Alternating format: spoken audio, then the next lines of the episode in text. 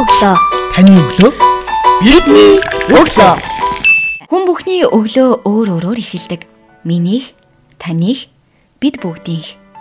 Яг л үүний адил бидний хүсэл тэмүүлэлч өөр өөр. Тэр хүсэл тэмүүлэлд хүрэх арга зам бас л өөр. Гэхдээ амжилтанд хүрсэн алдартнуудын амьдралын зам тэмж дардан байгаагүй. Тэд өөрт оногдсон цаг хугацаанд хүсэл тэмүүллийн төлөө цаг минут тутамд хөдөлмөрлөж бидэнд дурсагдах алдрыг хүртсэн. Үе тэнгийн залуус юу хийж бүтээж бидэнд тэгш заяагцсан тэрл цаг хугацаанд юуг бодож юунд тэмүүлж явдгийг миний өглөө цуврал подкастаар дамжуулан бусад залуус түргэж урам зориг хүсэл тэмүүлэл бэлэглэх зорилготой билээ.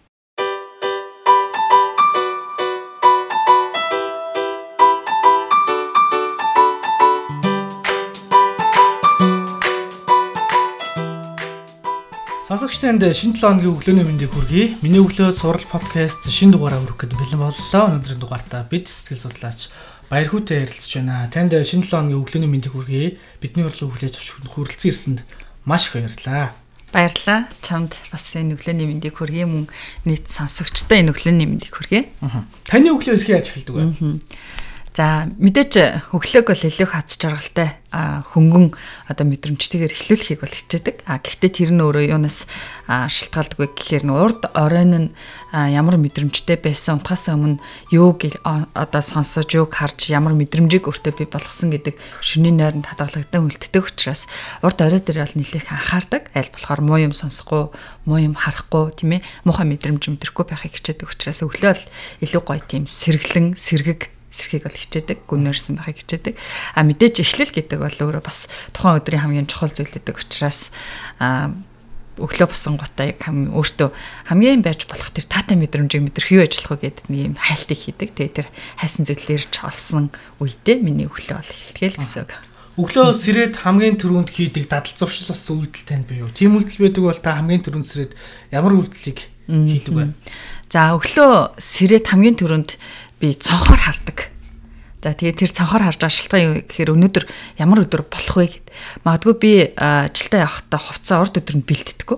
Тухайн өглөөнөө бусаад бэлддэг. Ягаад тэгэхээр тэр мэдрэмжээс хамаараа тэгээд цонхоор хамгийн түрүүнд би хардсан байна. Миний дадал бол. Тэгээд тэрний дараа асуудаг ч юм уу эсвэл ярин зүрх өөрөөрөө ордог ч юм уу бусад өөр үйлдэлүүд хийдэг. Өдрийн төлөлтөд та юунд өртөлдөг вэ? За өдөр алганыхаа төлөвлөлтийг ихэвчлэн би гарцсан дээрээ тэмдэглэлээ хөтэлдэг. А хийх ажлуудынхаа чагсаалтыг одоо биччихдэг. Таны ажлын ажил мэргэжлийн бусдаас ялгарх онцлог нь юу юм бол? За мэдээж нийгмийн сэтгэл зүйд эерэг өөрчлөлтийг хийх хүний сэтгэл зүйн эрүүл мэндийг дэмжихэд одоо олон талт үйл ажиллагаанууд л хийдэг. За сэтгэл зүйн зөвлөгөө, сургаал сэтгэл зүйн одоо өөр олон одоо хөтөлбөрүүдэд бол бас хамрагдаж өөрийгөө хөгжүүлэх гэх мэт зүйлүүдийг хийдэг учраас хүмүүсийг л их ажигладаг юм байна. Ялгаад одоо ялгарх онцлог гэдэг юм бол тий. Хүмүүсийн нүдийг, үйлдэлийг, за дуулааны өнгийг тийм ажигч байдлаар илүү хөгжүүлдэг. Тэр маань ялгарх онцлог ажиллах юм. Та ажилдаа ямар арга барилаар ханддаг вэ? Аа. Ажлын арга барил гэвэл ер нь нэг тийм бүтэлч байдлыг чухалчилдаг хідээч яг тийм байж бас чаддаггүй. Ер нь нэг юм шудраг байдлыг хэрхэмлдэг л гэх юм да. Харилцааны хувьд тий. Хувьд байх хэвээр хамгийн чухал гурван чадрыг нэрлэж хэд гэвэл та ямар гурван чадрыг сонгох вэ? Ягаад гэвэл тэдгээр гурван чадрыг сонгож байгаа. За нэгдүгürt би сонсох чадварыг хэлмээр байна. Ягаад тэгэхээр мэрэгчлээ маань бас холбоотой байж болох юм тий. За түүний дараа өөрийгөө болон бусдыг ойлгох чадвар бас чухал байдаг. За түүний дараагийн нэг чухал зүйл бол мэдээж өөрийгөө болон бусдын сэтгэл хөдлөлийг удирдах чадвар гэж мэрэгжлийн үднээс хэлмээр байна. Тийм энэ гурван чадрыг бас яг хүн өөртөө хөвшилчл бас чухал юм болоо яагаад чухал гэж та үзэж байгаа энэ чадрыг? Аа бид ч өөрөө нөгөө нийгмийн амтан шүү дээ тийм ээ. Нийгмийн амтан байхаа хамгийн чухал дүр бол өдөр болгон бид нар маш олон хүмүүстэй харилцаанд ордог. Харилцаа өөрөө амжилттай байх юм бол бидний ажил, амжилт, одоо бүтээмж, тийм ээ, аз жаргал гэд маш олон зүйлд бол нөлөөтэй учраас энэ гурван чадвар бол харилцааны бас чухал чадвар байгаа. А мөн дээрэс нь хүү өөрөө өөрийгөө ойлгож таних, бусдыг ойлгож таних, өөрийгөө удирдах, бусдыг удирдах гэдэг бол яг тэр нөгөө сэтгэл зүйн одоо нэг хэрэгцээ нөгөө талдаа л харилцаа хамтын үйл ажиллагааны одоо суурь гэж хэлмээр байна. Биднийг сонсож байгаа сонсогчд бол голдуу 18-аас 22 насны залуучууд түлхүү нийт сонсолтын 50% бүрдүүлж байгаа. Энэ бол ихтэй сургуулаа төгсөж байгаа залуу мэрэгчлэтнүүд за нөгөө талдаа ахлагингаа төгсөөд оюутны ширээ рүү тохоо залган орж байгаа шин залуу оюутан залуучуудыг сонсож байна. За ерөнхийд ингээ аваад үзэх юм бол зэтүүдийг сонсож байгаа. Тэр эдгээрсний хүүхэд багчуудын яг бид нар буцаал 18-тай 20 22 доор ингээ очих юм бол тухайн явцад мэрэгчлээ сонгоход ч гэдэм үү эсвэл сургуулаа сонгоход эсвэл ажлаа сонгоход ингээ шийдвэр гаргах төвшөнд энэ тухайн хүний сэтгэл зүйн байдал мэдрэмж тэр сонголтод нөлөөлдөг юм шиг санагддаг л та. Гэр бүл найс нөхөд багш гэд хүрээний хүмүүсийн хилдэг зөвлөгөөнүүд ч гэсэн тухайн дотоод хүн өөрийгөө сонсох өөрийнхөө хүсэл мөрөөдлийн талаар одоо таньж мэдэх тэрнийхээ одоо сэтгэлийн дуудлага гэдэг юм уу сонголтондоо нөлөөлөх хийх гэх мэтчлэн. Тэр эдгээрсээ залуучууд тандаа та бас сэтгэл зүйн онцлогтод тулгуурласан голдоо нийтлэхээр эдгээрсээ залуучууд сонголт хийхдээ сонголт хийх хэрэгчлээнд нөлөөлж хүчин зүйлүүд нь юу байна? Буруу гаргаж байгаа сонголтуудаас олж үүдэх сөрөг үр дагаврууд нь юу байна гэдэг тал дээр та зөвлөгөө өгвөл. Тэгэхээр бидний амьдралд бол маш олон сонголт байдаг шүү дээ, тий. Өдөр тутмын жижиг сонголтуудаас гадна амьдралын том чухал сонголтууд бол байна. За өсвөр насныхны хувьд гээд аваад үсэх юм бол бас нэг чухал сонголт буюу мөн дээрээс нь тэр сэтгэл зүй хэрэгцээ нь өөрөө байдаг гэхээр мэрэгжил сонголттой холбож гарч ирдэг. За мөн дээрээс нь одоо юу гэдгийг өөр бусад одоо өөртөө хэрэгтэй зүйлүүдийг биедан сонгох оролдлогоодыг бий болгож эхэлдэг. Тэгээд энэ сонгох явцдаа бас алдаатай сонголтуудыг хийх нь өндөр байдаг. Тэрний үе гэхээр ердөөсөө л эхлээд нөгөө хувь хүн өөрийнхөө тэр сэтгэлжин байдлыг бүрэн таниагтай холбоотой. А бусад хүмүүсийн ятгалаг гэдэг юм уу бусад хүмүүсийн нөлөөлөл а мөн дээрээс нь сүүлийн үед бол энэ хэвлэл мэдээллийн хэрэгсэл тийм ээ одоо өөр бусад одоо нэг инфлюенсерүүд гэж хэлээ та тийм энэ хүмүүсийг бусдыг даганд орох энэ дүрээс хамааралтай сонголтуудыг бас хийгээд байна л да. Тэгэхээр сонголт хийнэ гэдэг бол эхлээд өөрийгөө тань би хийн миний сэтгэл зүйн хувийн онцлог юу вэ? Миний амьдралын зорилго, миний амьдралын утга учир юу вэ? Юу намайг илүүх гоё одоо сайхан, таатай тий мэдрэмжээр дүүргдэг вэ гэдгийг илүүх олж харах хэрэгтэй. Өөрөө өөртөө ажиллаж чадсан хүн бол сонголт нь бол илүү бодтой байдаг. Эргээд тэр сонгосон сонголтондоо бас эзэн болчих чаддаг, илүү хариуцлагатай байдаг. Тийм учраас нэгдүгürt өөрийгөө танаарай л гिचлмээр байна. Аа бидний сонсож байгаа сонсогчдод хандаад нийгэмд чиглэсэн эрэг өөрчлөлт хураалгыг зочд маань дэвшүүлдэг. Та энэ удаагийн дугаарт одоо шинэ 7 хоног эхлүүлж байгаа учраас сонсогчдын маань юунд дүрэлэх вэ? Аа. За, өвөл олж байна, тийм ээ. Хүн болгон биеийн одоо юу гэдгийг эрүүл мэндэд тэмцэж байгаа байх. Ханаа том уу нас орчлон сэргийлж байгаа байх. За, тэгээд яг үнтэй адилхан бид нар сэтгэл зүйн эрүүл мэндэ дэмжих нэг чухал юм шүү дэргэд байгаа хүмүүсийн бас сэтгэл зүйн эрүүл мэнд дээр бид анхаараарай. Таны өдөр тийм ээ одоо сэтгэл хөдлөлийн эерэг дөрүүдийг илүү илэрхийлэгдэж илэрхийлж байна уу эсвэл сөрөг дүрийг илүү илэрхийлж гэнэ гэдгээ харах хэрэгтэй. Таны хамтрагч, таны гэр бүлийн хин нэгэн гишүүн сөрөг сэтгэлийн хөдөлгөөнийг одоо илэрхийлээд байна уу? Эерэг сэтгэлийн хөдөлгөөнийг илэрхийлээд байна уу гэдгийг олж хараад болж өгөл бид нар эерэг сэтгэлийн хөдөлгөөнийг одоо өөрөөсөө илэрхийлэн гаргадаг байгаарэ гэдгийг хэлмээр байна. Миний одоо гол зөвлөл хүн болгон тэр эерэг сэтгэлийн хөдөлгөөн дээрээ л илүү их ачаал бүгдлэг өрөө гэдгийг барилжилмээр. Таны саяны хэлсэн сэтгэл зүйн эрүүл мэнд гэдэг зүйлтэй холбож асуухад өөрийнхөө сэтгэл зүйн эрүүл мэнд нь одоо юу гэдэг гимцсэн гэдэг юм уу те бид нар яг ингээл та сая цаг ууртай холбоол дархлаа муудж гин ханиад томууд ус чинь ярьлаа шүү дээ. Бид нэг ингээ ханиад томууд усаа таниалгаад байгаа нөө шинж тэмдэг илэрсэн нөхцөлд бол за өвдөд байгаа юм байна. Халуунтай байгаа юм байна. Халуун намдах юм уу өвдөд байгаа юм байна. Өвчин намдах юм уу гэл ингэж одоо аргачлалыг бол хэрэгэлдэг те нийтлэл нийтлэхээр сэтгэл зүйн эрүүл мэнд гэдэг утгаараа таны сэтгэл готролд орох шиг юм уу нөгөө талдаа биднээс өвчин тусаад тийм шүү дээ тэгэхээр энэ байдлаа өөрөө сэтгэл готролд орсон шийдэм сэтгэл зүйн эмгэгтэй гэдгийг мэдхгүй ингээд явснараа сөрөг үр дагавар хувьд хэрхэн тулгарх вэ? Тэрийг яаж таньж мэдэх вэ? Бид нэр одоо дандаа л юм материалыг одоо нүдэнд харагдаж гарт баригдах явж байгаа халтраа дунлаа, гар хөлн хугарлаа, гимтэл орлоо, боолголоо гэдэг зүйлийг ярихаас гадна сэтгэл зүрх гэдэг зүйл чинь гимтээд байна гэдэг дээр одоо л нэг сэтгэл зүйн эрүүл мэндийн тухай хүмүүс ярьж хэлдэг болж байгаа шиг байна л да. Илүү тоцорж байна. Гэтэ энэ бол сайн хэрэгч гэсэн илүү нарийн мэрэгжлийн яг одоо ингээд хамраас нус гойчих юм бол юу авчууд ингэ тэгтэйг айдлах таны сэтгэл зүйн эрүүл мэндэд тулгараад байгаа асуудлуудыг шийдвэрлэх гарах одоо гаргалгаанууд нь тий. Эм тангууд нь хаана юу байна яаж имжлэх үү гэдэг арга гаргачл нь юунд байна? Аха. А өс нөхцлөөс илүү орчлон сэргийлт бол хамгийн чухал. Тэгэхээр мэдээч э, бидний амьдралд бол ингээд нөгөө жаргал завлан эсвэл таата таагүй мэдрэмжүүд өсдөг штэ тий. Тэгэхээр тэр болгонд ямар хариулт үзүүлэх үү гэдэг бол тухайн хүнээс шалтгаална. Энэ нь өөрөө юм бэхээр та сэтгэл зүйн хувьд эрүүл байна уу? Эсвэл ямар нэг асуудалтай байна уу гэдгээс хамаарна. Сэтгэл төвшөр зовнил тийм ээ. Эсвэл бүр цаашлаа сэтгэл готрол бидний хэлээд байгаа стресс одоо өрцсөн байна уугүй. Тэгээ бид нар өөрийгөө бас анзаардгүй. Нэг мэдсэмчил бусдыг буруутгадаг болчихсон, бусдыг шүмжилдэг болсон. Амьдралын тэр нөгөө гой сайхан зүйлийг мэдрэхэ болчихсон тий. За магадгүй одоо юу гэдгийг өөрийнхөө нөгөө хийдэг тэр зүйлд дургу алчсан, амьдралын зориггүй алчсан, мөрөөдөлгүй алчсан ч гэдэм үү.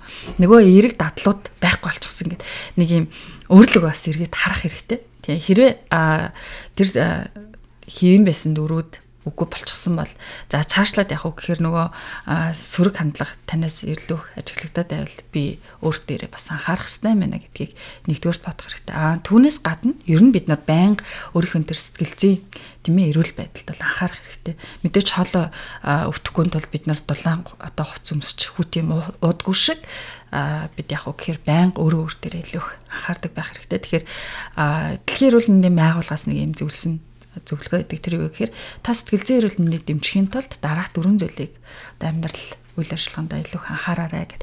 Нэгдүгürt бол эрүүл агаарт хүн алхах их чухал юм байна. Эрүүл агаарт алхаснаар бид нар яг уу гэхээр илүү их тэр таатай мэдрэмжийг өөртөө бий болгох. Тэ сэтгэл санаа тайван байх. Энэ нөхцөл бүрддэг. За идэвхтэй хөдөлгөөн бас их чухал юм байна. Заавал одоо юу гэдэг фитнес зааланд гэдэг юм уу үндэл бүртээ тэ ямар нэгэн зүйлтэй авахасаа илүү та ядчил одоо юу гэдэг гэрте байх та байнга суугаад байх биш болж өгвөл одоо шалаа хүртэл те а өөрөө гараар аваадаг. За цаашлаад одоо автобусны буудал тэмч одоо хол бишрэл нэг одоо буудлын наанд буугаад алхадагч гэдэг юм. Гэх мэтчлэн хөдөлгөөн бол өөрөө хүний тэр таатай мэдрэмжид одоо аз жаргалтай байдалд нөлөөлдөг. За түүний дараа зөв хоол гэдэг тий зөв цагта зөв хүнсийг хэрэглэх нь бас тэр сэтгэл зүйн эрүүлэндээ дэмжих суурь болдгоо гэж үздэг. За мэдээж түүний хамгийн чухал нэг зүйл бол найрсалт тэ зөвцөгтэй гүн нойрсох тухай асуудал. Ингээд энэ дөрвөн зүйл бол яг уу гэхээр нөгөө сэтгэл зүйн хувьд эрүүл байхын үндсэн суурь юм байна. За мэдээч тэрний дараа би бол юу гэж хэлдэг вэ гэхээр нэмээд би харилцаан дээр илүү анхаарах хэрэгтэй байна гэд.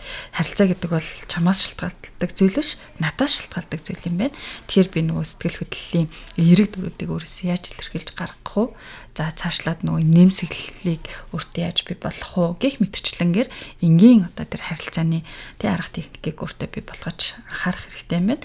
Тэгээд энэ сэтгэл зүйн одоо эрүүл мэндэ урьдчилан сэргийлж те бэлдснээр бид нар аливаа нэг асуудалд өртөх магадлал бага болж ирнэ. За мэдээч магадгүй одоо юу гэдгийг амьдралын олон олон асуудлаас хамааралтай ч гэдэг юм сэтгэл зүйд нэг л мэдсэн чинь нэг юм ямар нэгэн зүйл санаа зовно, зовноод тий сэтгэл завнах гэж хэлээд а эсвэл төгшүүр үсчихсэн тий тэр нь бодит төгшүүр ах юм уу? Эсвэл нөгөө невротик бодит төгшүүр гэдэг нь ямар нэг юмнаас гээд нэг юм үссэн нөхцлөөс айх эсвэл невротик төгшүүр буюу тэгчих үедээ ингэчих үедээ тэгсэн байх вэ ингэсэн байх вэ гэдэг ч юм уу тий нэг юм болгоомжлолоос үссэн төгшүүр юм. Эсвэл нөгөө ёс суртахууны төгшүүр. Би ингэх ёстой их ёстой гэсэн нэг юм нийгэмд өөрийн гэсэн дүрийг бүтээчээд тэрэндээ хүрч чадахгүй байгаа байдал эсвэл хийсэн зүйлийнхээ хойноос харамсаад яана би одоо тэгсэн хүмүүс намайг ингээ ботцсон байх вэ гих мэдчил нөгөө суртууны төгшөр одоо үсэт байгаа ч гэдэг юм уу те ийм нөхцөл үсэт байгаа бол бид бас өөрийгөө анзаарах хэрэгтэй. За тэгээд түнээс гарах аргуудыг бас хүн болгоно мэддэг байх хэрэгтэй. Мэдээж одоо юу гэдгийг хүн болгонд өөр өөр ингэсэн одоо хоолой өвдөх үед нэг юм им уудаг гэдгийг мэддэг шиг нэг юм аргууд бол байж болно. За туртаа дуугаа сонсоход тий бид нар тайвширч болох нь. За эсвэл одоо юу гэдгийг нөгөө хин нэгэнтэй чин сэтгэлээсээ ярилцахад тий за кино үзэхэд уу. Магадгүй зүгээр одоо энэ аяганд тэр чихртэй одоо бах уцаа хийгээд уухад хүртэл хэсэгтээ бид нар тавшаардаг. Гэх мэт хүн болгон өөр өөрийн гэсэн нэг юм хоббитэй, өөр өөрийн гэсэн тэр сэтгэлзэн таагүй байдал тавгүйтэл үсгэд түүнийг гадагш гарах аргуудтай байдаг байх нь чухал. Мэдээч нэг л өдөр хүн хямралд ортоггүй цаашлаад одоо энэ стресс гэж яриад байгаа зүйл л нэг л өдөр үүсдэг нөхцөл бол биш. Стресс бол маш одоо удаан хугацаанд сэтгэл зав ямар нэгэн зүйл завинснаас за сэтгэлийн төвшөр үүснээс үүдээ сэтгэл хямрал сэтгэл готрол уу стресс бол үүсэдэг шүү дээ тэгэхээр стресст өртөхгүй байх дээр л бид анхаарах хэрэгтэй.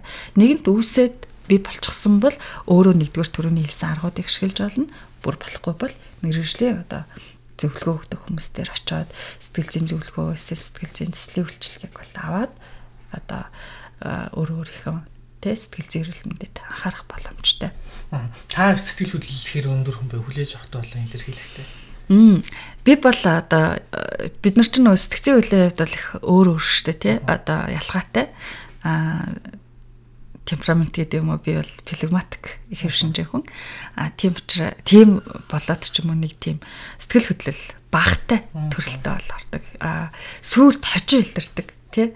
Одоо гониглах шаналх зүйл харамсах зээл бүр нэлээд нөгөө процесс явагдсны дараа яана гэж санаа зовч гэдэг юм уу. Эсвэл баярлах дүр дээр яг тэр моментод л нэг юм бүр амар одоо бусад хүмүүс шиг те сэтгэл эрэг сэтгэл хөдлөлийг гаргаад хасаа илүү бүр сүулт ингээд нэг юм баярсан мэдрэмж маань дараа нь тэр үед өсөд идэг ч гэдэг юм уу те. нэг хэсэг хугацааны дараа. Тэг мэдээж бүр бүр одоо хажуу бол биш. Хэсэг хугацааны дараа сэтгэл хөдлөл багтай хэвшинжийн хүн байж болох юм.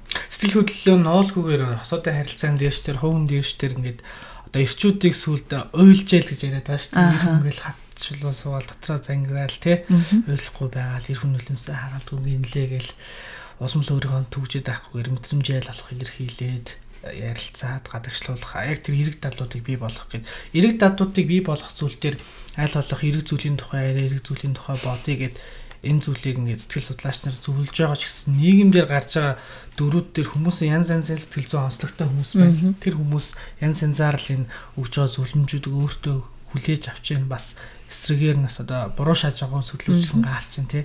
Үнэхээр ингээд эрүүл одоо эрэг гэдэг өнцгөөс хараад юм бүхнийг эргээр харна бол энэ амьдралчаа өөрөө статггүй зүйл болно үнэхээр эрг байж чадж байгаа мó гэдэг байдлаар одоо прагматик талаас нь одоо шүмжлэн шүү дээ. Нийгмийн эдийн засгийн одоо асуудлыг хов хүний сэтгэл зүйтэй холбож сэтгэл зүйн асуудал чинь нөгөө хов хүн хүндэл байгаа өөр өөртнөл байгаа л өөр өөр гэсэн нөгөө даах хэмжээгээрээ бурхан хүнд зовлон жаргалын өгүүлдэг гэдэг шиг тэрийг л авч явж байгаа зүйлийг нийгмийн эдийн засгийн дэд бүтцийн асуудлуудтай холбож уяад нийгмийн байгаа чи ингэдэг эрэг байгаад тах ямар эрэг гэдэг юм гэдэг чинь харьцуултын хувьд одоо Монгол улсын хүн амыг одоо нэг тэрбум гаралтай интегритийн хүн амтай ингээ харьцуулж байгаа юм шиг тоо юм шиг бид нар хаанаач хүрхгүй шүү дээ.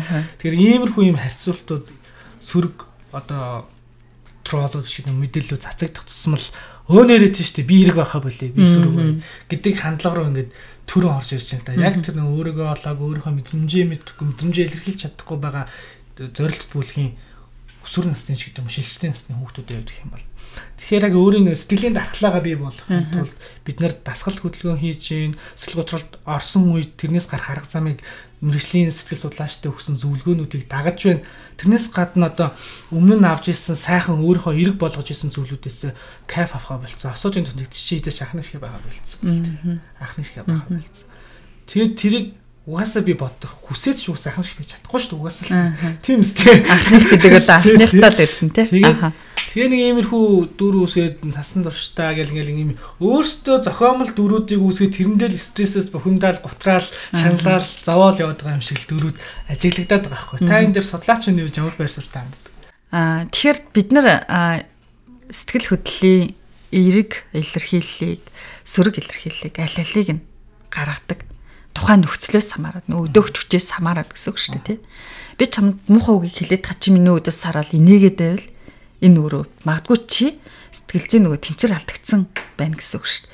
Бүр эсэргээрээ одоо яах вэ гэхээр нөгөө бүр депресд орсон ч юм уу тийм хүн байна гэсэн.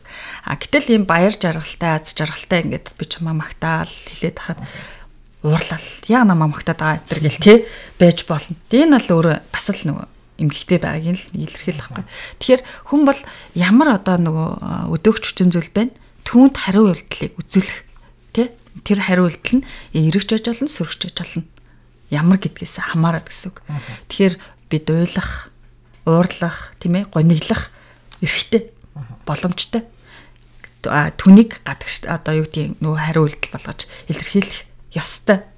А мэдээч нөгөө талтаа бол баярлах, хөөрөх, догтлох тийм ээ. Одоо аль алиг нь гадагшлал. Тэгэхээр ер нь одоо юу гэдгийг нөгөө хамгийн чухал зүйл хүмүүс ингэж хараад байдаг нөгөө дандаа инээж гэдэг юм уу Тэ дандаа аз жаргалтай бай гэдэг. Бид нар ч гэсэн дандаа тэгж зөвлөдөггүй тий. Гэр бүлийн харилцаан дээр ч гэсэн маргаан дээр ч гэсэн яг уу маргааны чинь заримдаа бид нар бүр илүү их маргалдчихэж тий шийдэх боломжуудаас байж болно. Дандаа ингээл энийгээ л яриад байл энэ өөрөө хэвийн харилцаа биш шүү дээ. Тэгэхээр илүү тэр нөгөө мэдрэмжтэй байх яаж вэ гэд эргээд гарах үр дүнгээ маш сайн боддог байх хэрэгтэй. маргаан хүртэл өөрөө соёлтой байж болно. Тэр үгийн сонголт нь тий ядаж тэр хөрөө хүчрхийлэл тэр нөгөө хүндээ хүрэхтэй одоо юу гэдэг гомдлыг тех тийм бишээ байдлаар л одоо маргааныг зохицуулж болно шүү дээ. Тэгэхээр бид нар нөгөө ямар үгийг сонгох уу, юугүй гэдгээ мэдэх нь их чухал. Тэгээ түрүү хэлжсэн нөгөө хосуудаа явчихсан чи анхны шигэ байха болцсон ч гэдэг юм те. Юм болгоны ховсж идэг тэг хүний сэтгэл зүйн байдал ч гэсэн тухайн нөхцлөөс хамаарат насны онцлогоос хамаарат ч гэдэг юм уу хүн болгоны сэтгэл зүйн хувийн онцлог өөр тэр ажил мэргэжлээс хамаарат тийм ээ өөрчлөлтүүд явагдчихдаг. Тэр тэр өөрчлөлт болгон дээр яг уу гэхээр хамтдаа тэгж бас өөрчлөгдөх. Тэр өөрчлөлт болгоноос эерэг дүрийг нь олж харах, эерэг дүрийг илүүх бэхжүүлэх. Дахиад шин одоо юу гэдгийг нөгөө мэдрэмжийг хамтдаа яаж өсөх вэ гэдгийг асууд ярилцах хэрэгтэй. А түүнээс биш анхны нөгөө болцоонд явж исэн шгээл яг тэрийг дахин дахин жишээ нь өдөр алган хийгээд бай гэж бодъё. Нөгөө л нэг үгийг хэллээлээ гэж бодъё тий. Тэгэхээр тэр өөр тийм хүчтэй гой мэдрэмжийг өгөхгүй шүү дээ. Тэрний оронд яаж өөрөөр орлуулж болох юм? Яг энэ цаг үед магадгүй ихнэр нь жирэмсэн үед ямар үгийг хэлвэл төрсний дараа ямар үгийг хэлвэл тий илүү одоо дац жаргал тавтай байх юм гэдгийг хүмүүс илүү мэдэрдэг байх л чухал. А түүнээс ш анхны нөгөө тэ залуу байсан үешгээ яг тэр үйлдэлүүдийг хийгээл бас боломжгүй. За баярлалаа. Бидний ярилцах цаг энэ төрөд өндөрлөж байна. Подкастын урлагийг хүлээж авч бидэнд хэрэгтэй яриа өрнүүлсэн танд маш их баярлалаа. Судалгааны ажилд нь амжилт хүсье. За баярлалаа. Чамд олон нийт сонсогчтой ац чаргаал амжилтыг хүсье. Сонсогч та бүхэнд миний өглөө сурал подкаст шинэхэн дугаараа хүргэлээ. Өнөөдрийн дугаартаа бид сэтгэл судлаач баяр хүүтэй ярилцлаа. Эх 7 хоногийн даваа гарагийн энэ цаг унших уулзлаа. Түр баяртай.